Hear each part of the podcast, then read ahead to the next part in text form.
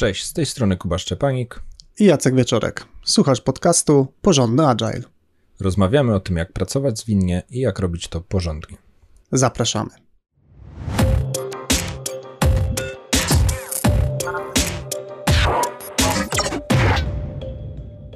W dzisiejszym odcinku będziemy rozmawiać o ocenie stanu zwinności firmy.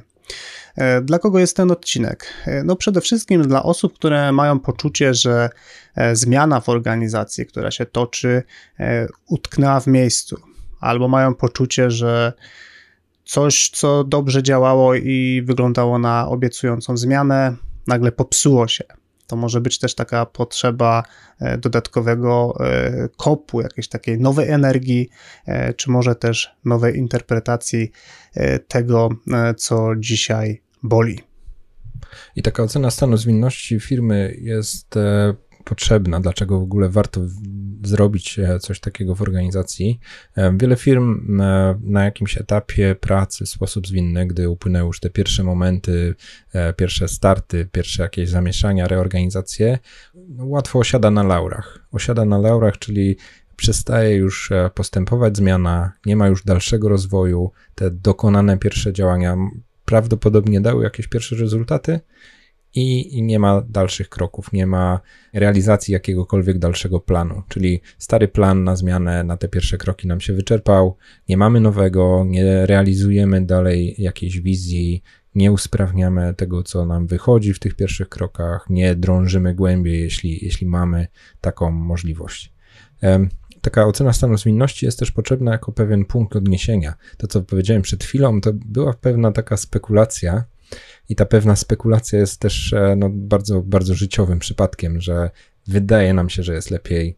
Wystartowaliśmy jakieś zespoły zwinne, wystartowaliśmy jakieś konkretne praktyki, ale e, no nie zawsze jest ta wystarczająco głęboka refleksja, czy faktycznie jest lepiej i co jeszcze wymaga dalszej zmiany. Do oceny stanu zwinności proponujemy 9 praktyk, narzędzi praktyk i te rozwiązania pogrupowaliśmy w trzy takie przystępne grupy. Trzy z tych rozwiązań są e, typowo związane z e, zespołami, które funkcjonują w ramach organizacji. E, trzy rozwiązania uwzględniają grupę liderów zmiany, osób, które są zaangażowane w to, żeby zmiana postępowała. I trzy narzędzia to są takie narzędzia, które bazują na zaczerpnięciu z inspiracji zewnętrznej. Kuba, co mamy w tym wachlarzu praktyk, który dzisiaj przedstawimy? Y, zacznę od y, pewnej praktyki, która wydaje mi się najbardziej banalna. Jest to checklista, skorzystanie z jakiejś formy checklisty na poziomie całej organizacji, na poziomie e, sumy wszystkich zespołów. Listy kontrolnej, która e, przez e, uzgodniony zestaw pytań sprawdzi, gdzie jesteśmy. I to jest oczywiście o wiele bardziej zniuansowane niż tylko takie skorzystać z checklisty, ale na jakimś takim najbardziej ogólnym poziomie chodzi o to, żeby e, cała organizacja spróbowała sobie odpowiedzieć e, na te same pytania e, i na bazie tych odpowiedzi dokonać pewnej, pewnej refleksji, wyciągnąć pewne wnioski. Prawdopodobnie powiedzieć sobie wprost, które rzeczy są w porządku, które rzeczy są zgodne z tym naszym punktem ustalonym odniesienia, a jakie rzeczy jeszcze wymagają usprawnień. I nieprzypadkowo mówię tutaj ustalony punkt odniesienia, bo taka checklista, no to, to, to oddzielna rozmowa jest, którą z nich wybrać. Zacznę od chyba najbardziej banalnego przypadku. Jeśli na przykład konkretnie korzystamy z metody Scrum, e, no to istnieją, są dostępne checklisty, które sprawdzają, no nazwijmy to, zgodność ze Scrumem. To samo w sobie jeszcze nam nie do końca oceni stan zwinności firmy, ale da jakieś takie pierwsze przybliżenie. I tak jak do zwinności firmy moim zdaniem potrzebne jest wiele, wiele więcej niż tylko przestrzeganie skrama. Tak, e, nieprzestrzeganie skrama, jeśli się zgodziliśmy, że akurat e, to jest ta droga, którą chcemy postępować, no może być takim mocnym sygnałem. Faktycznie musimy regularnie realizować e, retrospektywy, tworzyć przyrost co sprint, przestrzegać definition of done, posiadać backlog produktu, kilka jakichś takich bardzo podstawowych aspektów Scrama, które no naprawdę, jeśli ich nie mamy, to, to, to, to prawdopodobnie tu jest coś do poprawy na takim dosyć podstawowym poziomie. Ja myślę, że to jest o tyle ważne, ważne narzędzie, że ono pozwala uchwycić nam, tak powiem, czarno na białym, jaki jest faktyczny stan. Mm, I dlaczego to jest istotne? Osobiście wiele, wiele razy spotkałem się z taką sytuacją, w której ktoś tak bardzo mm, w łatwy sposób upraszcza, no że przecież mamy już tego skrama, pracujemy już zwinnie mm, i, i podobnego rodzaju zdania słyszę. No i wtedy takie e, zebranie tego na, na jednej kartce, w jednym arkuszu, pokazanie jak faktycznie jest, e, no zwykle bywa fajnym punktem startowym do dalszej dyskusji, czyli przykładowo, e, jeśli mówisz tutaj o skramie, no to z takiego badania może nam wyjść, że pewna mechanika skramowa jest zachowana, czyli zespoły się spotykają. Natomiast, e, i to jest e, przypadek z jednej z organizacji, którą wspierałem, taka, taka checklista potrafi wskazać e, dziurę, jeśli chodzi o jakość, czyli wszystkie zagadnienia gdzieś tam w okolicach e, definicji ukończenia, czy, czy tego, że zespół na koniec sprintu ma przyrost produktu.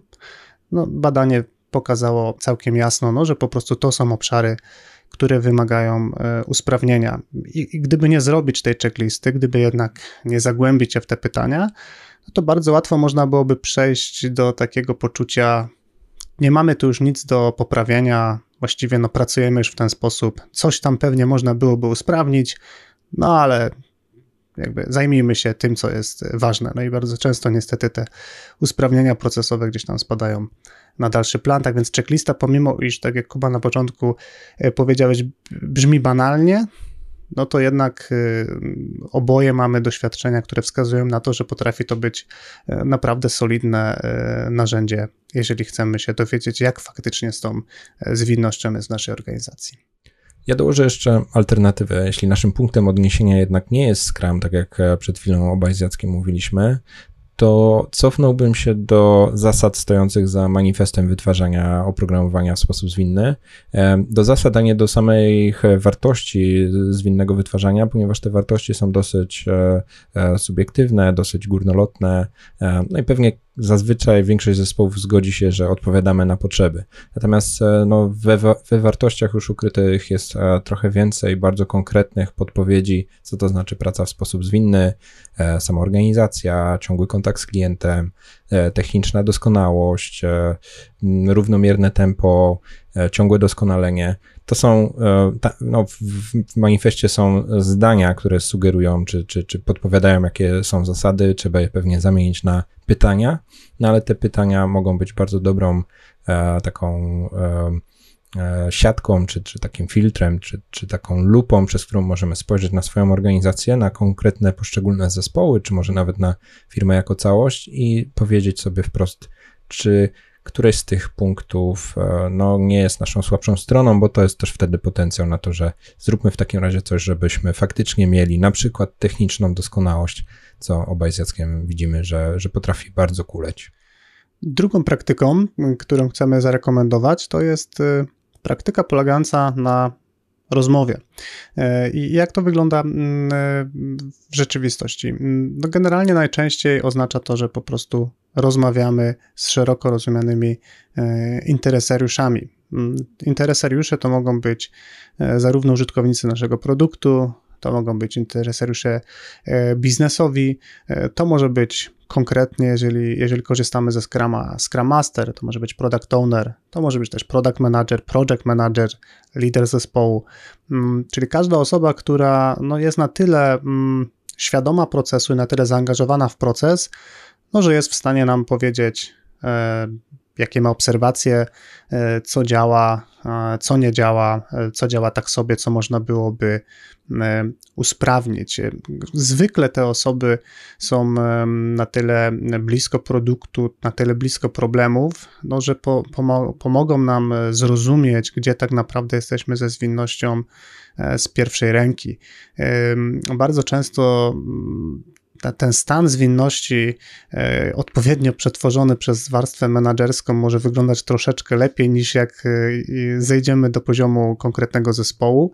E, no i tam może się okazać, że jest nadal sporo problemów, które nie zostały rozwiązane, albo coś, co wygląda fajnie z zewnątrz jest tylko pewnego rodzaju fasadą, czyli przykładowo e, pokazywanie e, przyrostu produktu na przeglądzie sprintu. Może fajnie wyglądać tak patrząc z perspektywy słuchacza, no ale kiedy jesteśmy wewnątrz zespołu, e, kiedy jesteśmy na przykład deweloperem, no to jesteśmy w stanie powiedzieć, że to tak w sumie nie do końca, bo to ani nie przetestowane tak jakbyśmy chcieli, ani nie spełniona definicja ukończenia, pokrycie testami automatycznymi również kuleje i tak dalej, i tak dalej. I są to na pewno wątki, które patrząc z perspektywy mm, zmian organizacyjnych są niezwykle istotne, no i są do zdobycia zwykle e, czy najczęściej, no właśnie od tych osób, które są blisko produktu i są w stanie nam e, zejść na taki dosyć duży poziom e, detalu.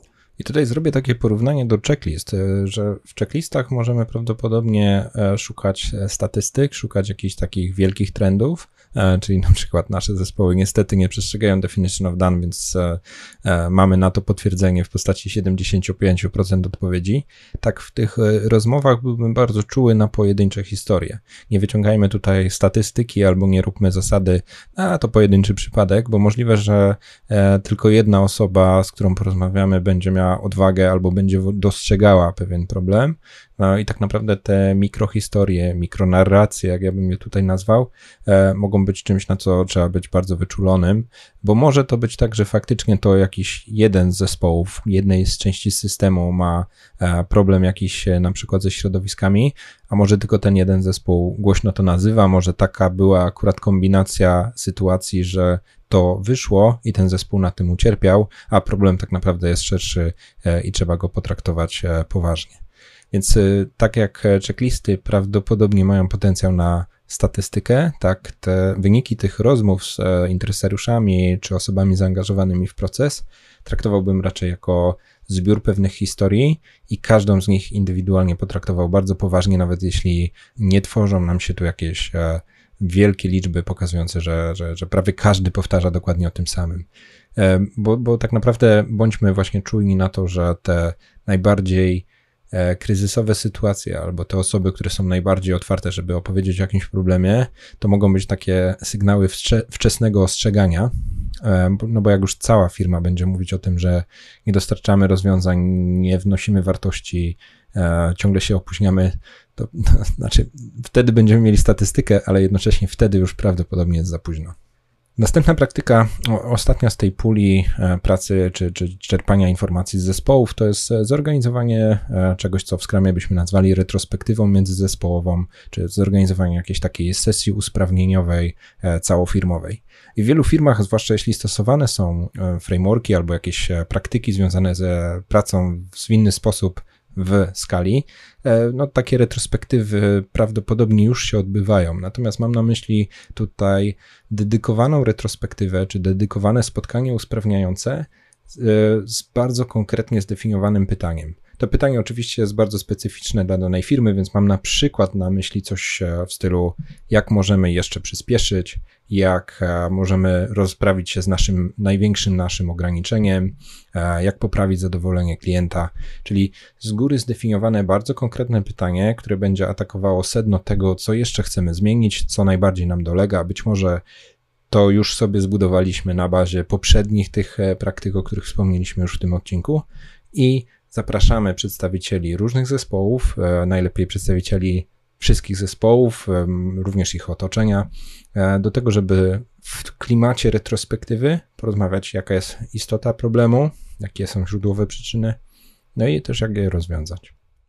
Ja myślę, że to pytanie, mm, jakby istota tego, tego właściwego pytania e, jest niezwykle istotna. Sam mam doświadczenia e, z no, wielu organizacji, tu akurat jedną konkretną sobie przywołuję w głowie, gdzie taka ogólnofirmowa retrospektywa e, właśnie bez zadania konkretnego pytania owocowała wynikami czy, czy przemyśleniami w stylu fajnie jakby było więcej bananów w organizacji, albo skrzypi mi krzesło e, i parę tego, te, jakby tego kalibru e, zgłoszeń. No to z mojej perspektywy no nie do końca jest tym, co chcemy e, uzyskać, więc e, żeby to nie było jakieś takie jakby nie, nie, nieskoncentrowane narzekanie, marudzenie, czy, czy wysypywanie jakichś takich losowych przemyśleń z głowy, tylko raczej ukierunkowane na jakiś taki e, konkret, no i taki konkret, który z naszej perspektywy jest ważny, więc podejrzewam, tak patrząc, co, na czym zwykle w firmach zależy, no to, to bym się właśnie kierował gdzieś tam w okolice klienta, e, czy w okolice tego, jak efektywny jest nasz e, proces pracy. No, na pewno coś, co, co jest, e, co pozwoli uczestnikom też no, zastanowić się nad tym konkretnym aspektem, no bo te pomysły, które przychodzą tak losowo do głowy, no mogą nie do końca być tym, czego potrzebujemy.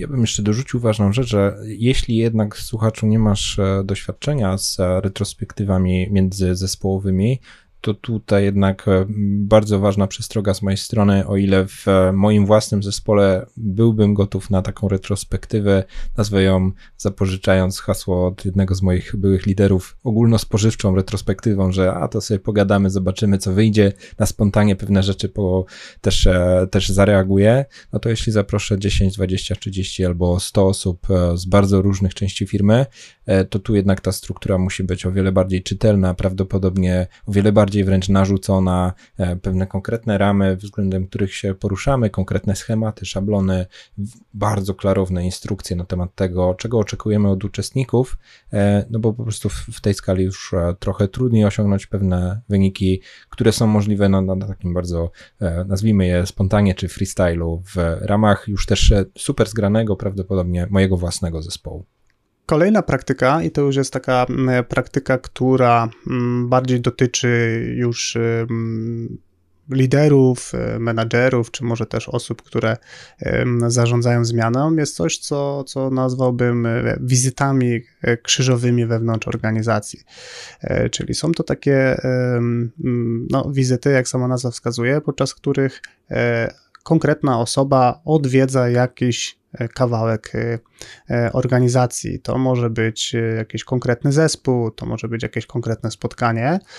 Wszystko po to, żeby na zasadzie takiego, powiedziałbym, obchodu gospodarskiego mieć szansę y, zobaczyć na, na własne oczy y, i dotknąć tego, jak wygląda zwinność w konkretnych obszarach naszej organizacji. Te wizyty często mają charakter taki spontaniczny, ale to absolutnie nie ujmuje wartości, ponieważ no w, te, w tej spontaniczności jest też metoda na takiej zasadzie, że często taka wizyta to jest bardziej mm, w takim trybie po prostu przyjdę, popatrzę i ewentualnie zadam pytanie. Rzadziej to są jakieś wizyty z jakąś tam konkretną e, tezą, chociaż tak też może się zdarzyć, że chcemy jakiś konkretny aspekt, który nas interesuje, e, podejrzeć, zobaczyć, e, zainspirować się. I można to wykorzystać, myślę, co najmniej na dwa sposoby. Po pierwsze, myślę sobie, że takie wizyty krzyżowe mogą po prostu być takim szczęśliwym trafem, podobnie jak w wyszukiwaniach w wyszukiwarce internetowej, czyli przychodzimy i na skutek tego, że jesteśmy we właściwym czasie, wyłaniają się pewne tematy, które warto chwycić.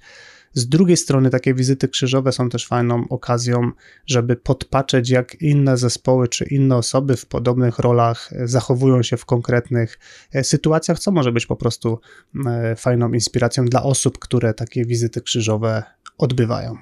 A ja zaakcentuję i wyjaśnię, dlaczego Jacek używasz e, to krzyżowe, bo mamy tu na myśli taką sytuację, zwłaszcza w większej organizacji, prawdopodobnie dany lider czy dany e, menedżer jest e, jakoś sercem i duszą związany z jednym zespołem, z jednym projektem, z jedną grupą zespołów odpowiedzialnych za dany produkt i, i mamy na myśli też to, żeby trochę wyjść poza swoją sferę dotychczasowych, regularnych wizyt.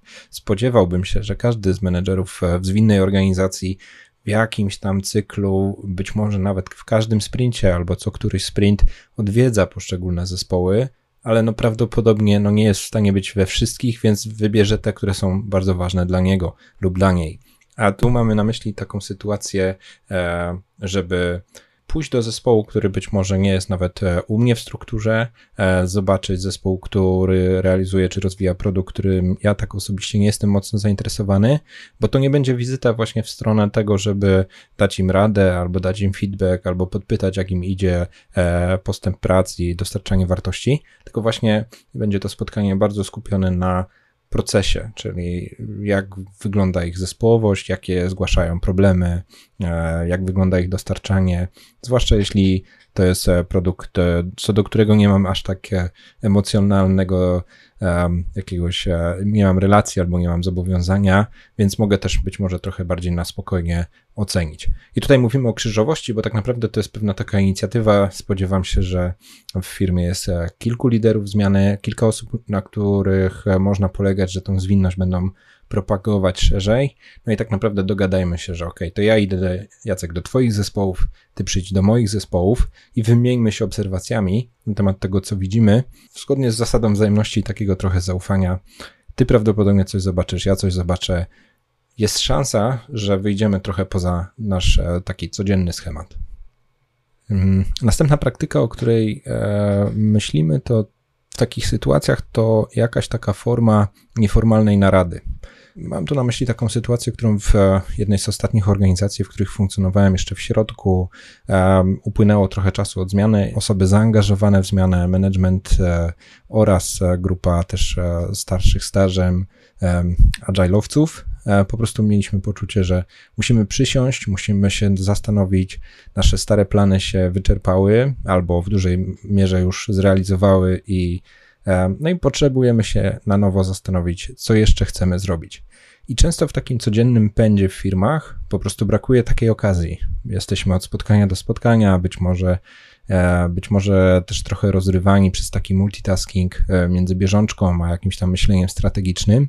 I myślę tutaj o tym, żeby zorganizować sobie czas, wy, wykroić go wręcz fizycznie w kalendarzu, spotkać się w, w tym takim też bardziej zaawansowanym, zaufanym, zaangażowanym gronie.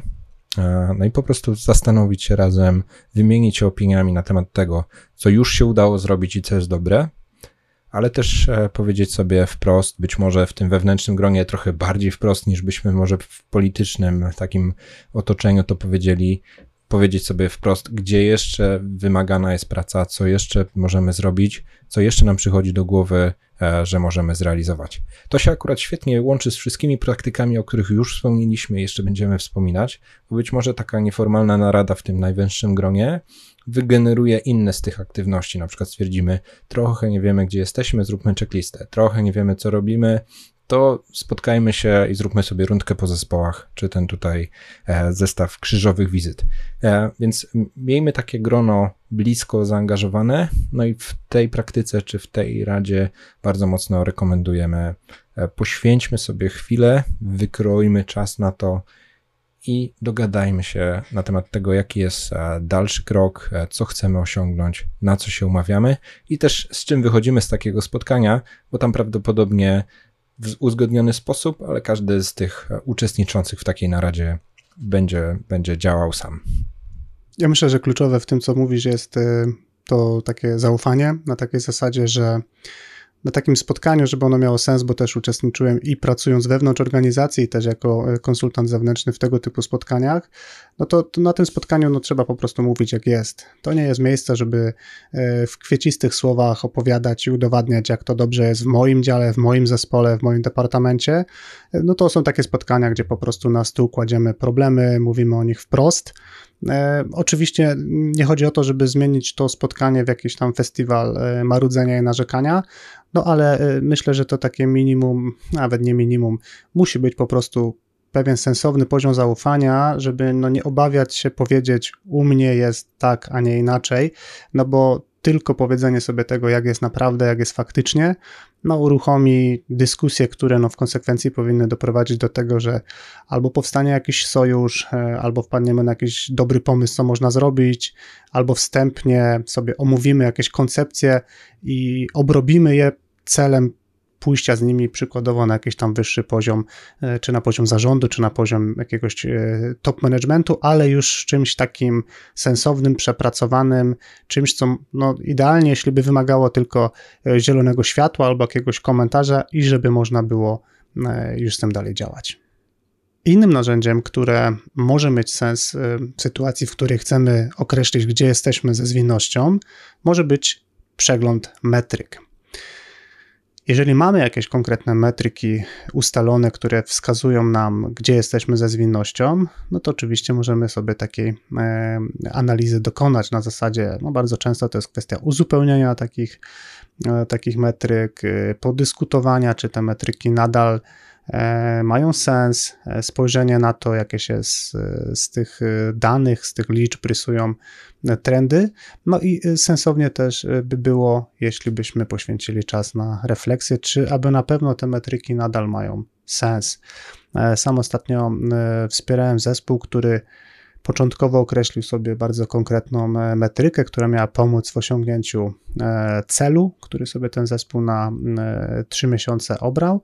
No, kiedy wracaliśmy do tego, e, do, do, tej metryki po czasie, e, okazało się, że tak naprawdę ta metryka, ona fajnie brzmiała e, na papierze, zespół przyklasnął i się zgodził, że ona ma sens, czas pokazał, że, no, że niekoniecznie. I to było widać, że ta metryka była tak dosyć kiepsko wypełniana, w sensie właśnie dane nie były świeże, no, jak podrążyłem trochę temat, to okazało się, że w sumie to to nie jest to. Tak więc y, raz no, na pewno warto, y, warto cyklicznie podchodzić do, do spojrzenia na parametry, które są dla nas istotne.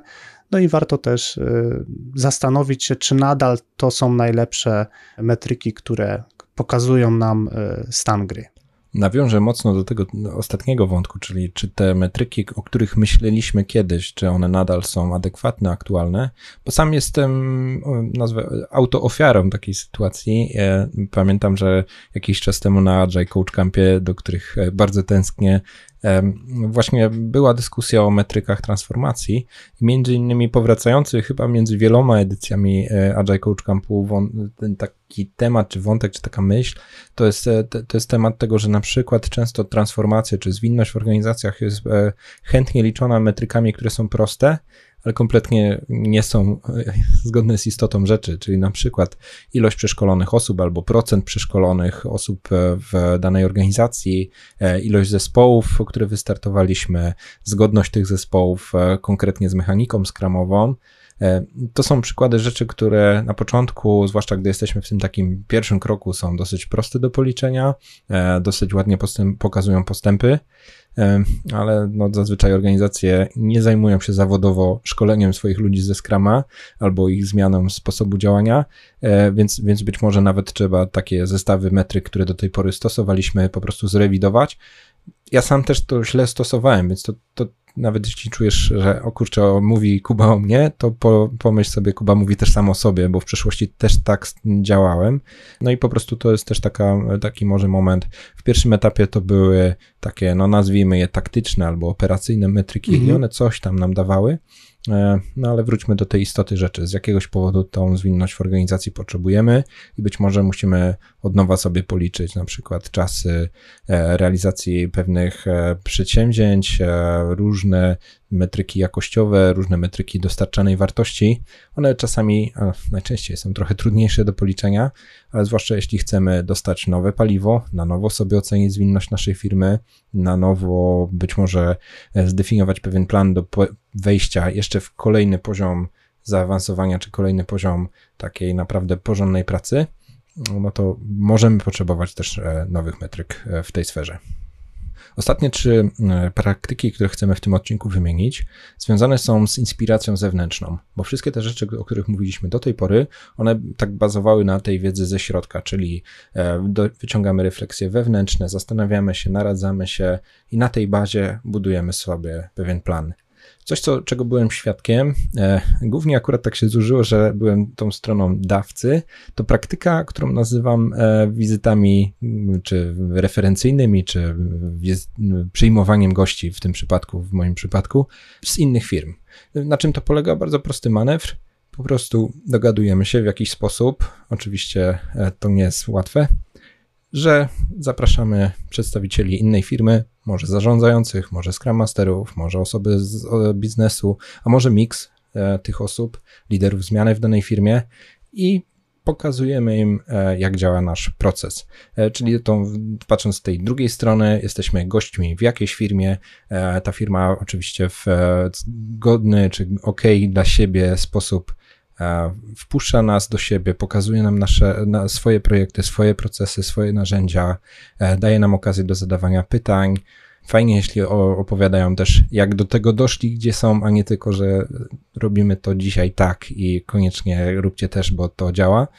E, więc e, jakby spotykamy organizację, widzimy ją na wylot, być może też w przypływie szczerości słyszymy różne e, smakowite kąski, które te firmy nawet, e, jeśli są otwarte, to niekoniecznie aż tak szczerze je pokazują na konferencjach, czy w jakichś opracowaniach, podcastach, filmikach, cokolwiek dana firma propaguje na zewnątrz.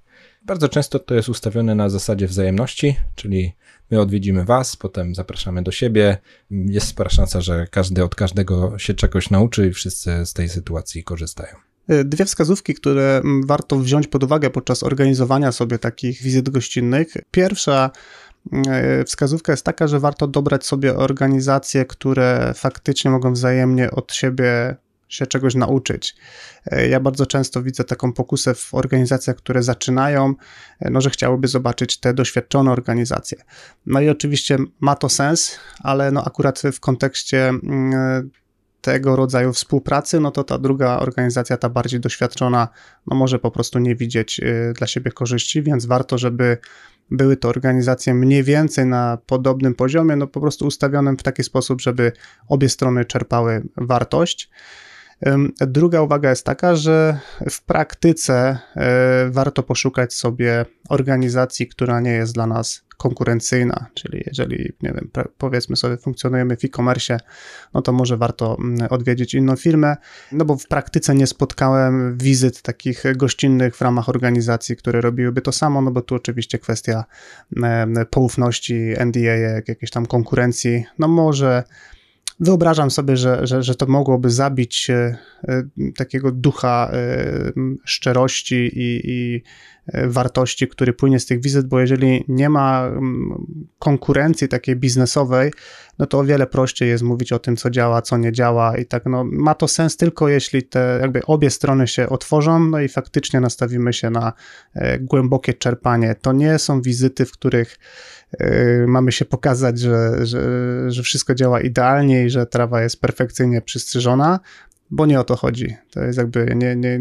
to nie jest ten typ wizyty. Tu raczej chcemy pokazać e, trochę jak wygląda zaplecze, trzymając się metafory trawy, jakiego nawozu używamy, pokazać to boisko, które tak nie do końca wyszło i tak dalej. Tak więc, y, no tutaj te takie prawdę z okopów raczej staramy się pokazać i, i zobaczyć, niż jakiś tam piękny obrazek, który zwykle jest widoczny na konferencjach.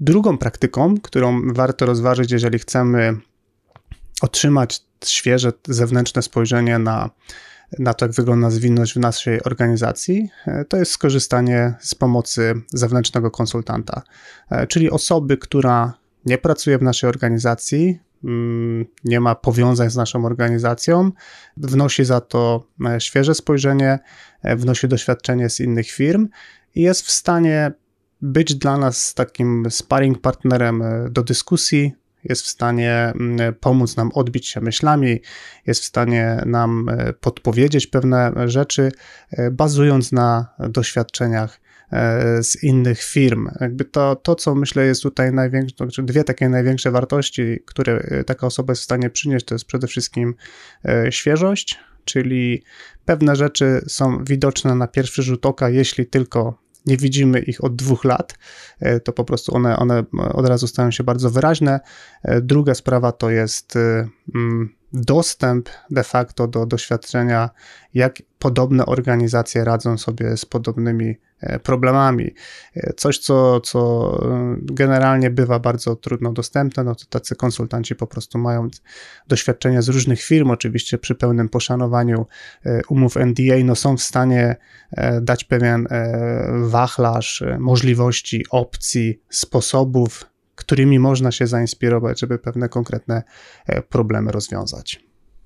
W tej sferze powiem bardzo osobistą historię, że sam pomimo w którymś momencie już wielu lat e, doświadczeń związanych z pracą z zespołami zwinnymi i transformowaniem organizacji, dalej czułem, że wszystko to, co wiem, wiem dzięki temu, że między innymi również mam kontakt z zewnętrznymi konsultantami, z którymi współpracowałem do, do samego końca swojej pracy jako jeszcze osoba na etacie w organizacji, e, bo no, ciągle potrzebowałem e, świeżego oka, osoby niezaangażowanej, wprost w te wewnętrzne gry. I tak ja to nazwę, może to nie każdemu się będzie dobrze kojarzyło, czy tak samo e, kojarzyło, ale jednak będąc w środku, już wiem, że pewne rzeczy są trudne, są mniej możliwe, pewne rzeczy muszą wyglądać jak wyglądają. E, ten dyrektor tak ma, albo w tym procesie to już próbowaliśmy, się nie udało. I tutaj wsiąkam jako ta osoba prowadząca zmianę a za to ten konsultant, przynajmniej tak bym profesjonalnego konsultanta, jakby tak, tego bym oczekiwał, że ten konsultant mi powie konsekwentnie wzorzec skrama, zwinności, dobrego procesu wygląda tak. W różnych organizacjach jest to rozwiązane na różne sposoby, ale każdym z tych, w każdej z tych opcji macie jeszcze sporo do zrobienia. E, no i to od konsultanta i w sumie też od e, osoby, która z tym konsultantem współpracuje, zależy, czy chcemy pracować bardziej w trybie powiedz mi, jak mam to zrobić, e, i to będzie taki faktyczny konsultant, który mówi, jak powinno się to robić, czy to będzie bardziej coach, mentor. No w różnych trybach ja sam jako osoba pracująca z konsultantami działałem. I sam dzisiaj, jako już konsultant, też e, w różnych momentach e, stosuję różne środki, które są dla danej organizacji potrzebne. Natomiast no, to pozwala osiągnąć taki efekt. Mówiliśmy już o metaforze e, boiska, no to podobna metafora będzie związana z zapylaczami, czyli pracuję z różnymi organizacjami, widzę dobre różne fragmenty, różne praktyki, dobre różne rozwiązania. Sam też umiem wyciągnąć coś bardziej abstrakcyjnego z tych rozwiązań i kolejna organizacja może czerpać z tych doświadczeń tak naprawdę prawie tak, jakby w tych wszystkich kilkunastu czy kilkudziesięciu zespołach byli tam razem ze mną, no bo ja im tutaj dostarczę e, fragment rozwiązania czy fragment e, swojego doświadczenia. I ostatnia praktyka, e, o której e, myślimy w tym momencie, to jest e, taki krok dalej z tym zewnętrznym konsultantem. Nazwijmy tą praktykę audytem albo jakimś taką formą rozpoznania tego, gdzie nasza zwinność jest. Niektóre organizacje potrzebują mm, zewnętrznego źródła, takiego bardzo konkretnego audytu, oceny, zewnętrznego też źródła pewnych rekomendacji, I zazwyczaj ma to taką postać e, przychodzącego do organizacji konsultanta ze zdefiniowanym celem. Najczęściej tym celem jest e, rozpoznanie sytuacji ogólnie albo rozpoznanie wybranego aspektu, który jest dla organizacji trudny albo interesujący, albo bardzo ważny. No i ten zewnętrzny ekspert po prostu przygląda się sytuacji, zagląda w metryki, zagląda w zespoły, rozmawia z kluczowymi osobami z procesu, zestawia sobie te wszystkie osobiste obserwacje w tym konkretnym zespole, w tej konkretnej firmie, z wszystkim tym, co e, już ma w swoich doświadczeniach z przeszłości i jednoznacznie pokazuje według swojej najlepszej wiedzy, co działa, co mogłoby być poprawione. No jeśli jest takie życzenie organizacji, która takiego konsultanta e, zaprasza, to też e, jednoznacznie podpowiada pewne rekomendacje, jak można by to poprawić. Tutaj sensowna może być e, metafora mechanika. Myślę, że każdy, kto ma samochód, e, to jest sobie w stanie wyobrazić taką sytuację. Ja osobiście od ponad dwóch i pół roku posiadam Jeepa, rocznik 9.7, co jakby bardzo, bardzo dużo mówi o tym, jak często, jak często witam się z mechanikami. Natomiast jaka jest metafora? Ja sam kupując ten samochód, nie byłem w stanie samodzielnie E, ocenić jego stanu. To znaczy, no byłem w stanie ocenić e, stan lakieru, e, stan opon, stan zużycia wnętrza. Że są napompowane. Takie powiedzmy sobie tak, proste, proste rzeczy, więc umówiłem się z, z, z rekomendowaną osobą, która po prostu była, była i jest specjalistą od, od Jeepów i po prostu pojechałem do tej osoby razem ze sprzedającym. No i, i, i tak metaforycznie i dosadnie ten mechanik po prostu tego Jeepa przeczołgał. Na zasadzie wiedział, gdzie spojrzeć, wiedział, na co zwrócić uwagę. E, no i po prostu już jakby ze suchu był w stanie powiedzieć, e, co dolega, gdzie, czy to krzyżak, czy to e, przegub, czy to wał, czy to piasta, no rzeczy, które jakby, no ja, ja, ja by nigdy nie byłbym w stanie tego, tego wtedy samodzielnie określić. Jakby no na koniec dostałem bardzo konkretną listę rzeczy, które albo na 100% są wadliwe i trzeba je wymienić, plus listę rzeczy, które to może być to, albo to może być to. To musisz najpierw umyć silnik, żeby zobaczyć, czy to jest wyciek z takiego miejsca, czy z innego, czy może po prostu ktoś przypadkowo tutaj lejąc olej rozlał. E, no plus listę rzeczy, na które po prostu warto zwrócić uwagę w przyszłości. Czyli jakiś tam, nie wiem, czujnik, pamiętam, klimatyzacji, no to mam na niego zwracać uwagę, bo X, Y i Z. No i jakby ta, takie zestawienie na ten moment, w którym się wtedy znajdowałem, no było, było super pomocne, no bo ja po prostu wiedziałem, że ta osoba spojrzała kompleksowo na ten samochód, no i była w stanie mi powiedzieć, w sensie nadać też pewne priorytety, co absolutnie trzeba naprawić, e, co w najbliższym czasie może się popsuć, jak nic nie zrobię, no a na co po prostu warto zwrócić uwagę, plus cała masa porad, co ile wymieniać oleje e, w mostach, w reduktorze, w skrzyni i tam w paru innych, e, paru innych miejscach. Tak więc taka, myślę, metafora może być całkiem, całkiem sensowna i ona dobrze oddaje, czym jest takie, takie spojrzenie kompleksowe osoby z zewnątrz. E, pod koniec tego odcinka wspominaliśmy o dwóch e, działaniach, które może zrobić e, zewnętrzny ekspert. No jak sam słyszałeś lub słyszałaś, robimy takie rzeczy, współdziałamy w taki sposób z organizacjami w umówiony sposób, albo jako konsultanci zewnętrzni, którzy pomagają z konkretnym wybranym aspektem, czy towarzyszą konkretnym wybranym zespołom lub liderom zmiany.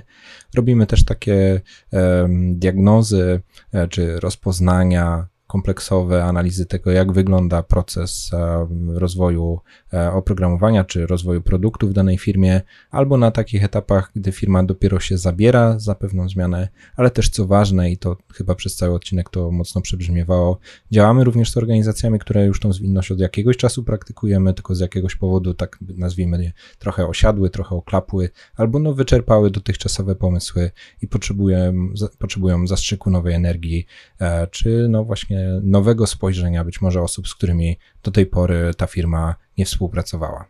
Jeżeli to, co mówił Kuba, brzmi dla Ciebie sensownie i widzisz przestrzeń na wsparcie konsultanta zewnętrznego, napisz do nas, jak możemy Ci pomóc, korzystając z formularza na naszej stronie porządnyagile.pl łamane na kontakt. E, notatki do tego odcinka e, z linkami do proponowanych materiałów, o których wspomnieliśmy, oraz przynajmniej jeden artykuł o checklistach, o którym nie wspomnieliśmy, a warto też do niego zajrzeć. E, transkrypcję całego nagrania, zapis wideo znajdziesz na stronie porządnyagile.pl łamane na 63. I to by było wszystko na dzisiaj. Dzięki Kuba. Dzięki Jacek. I do usłyszenia wkrótce. wkrótce.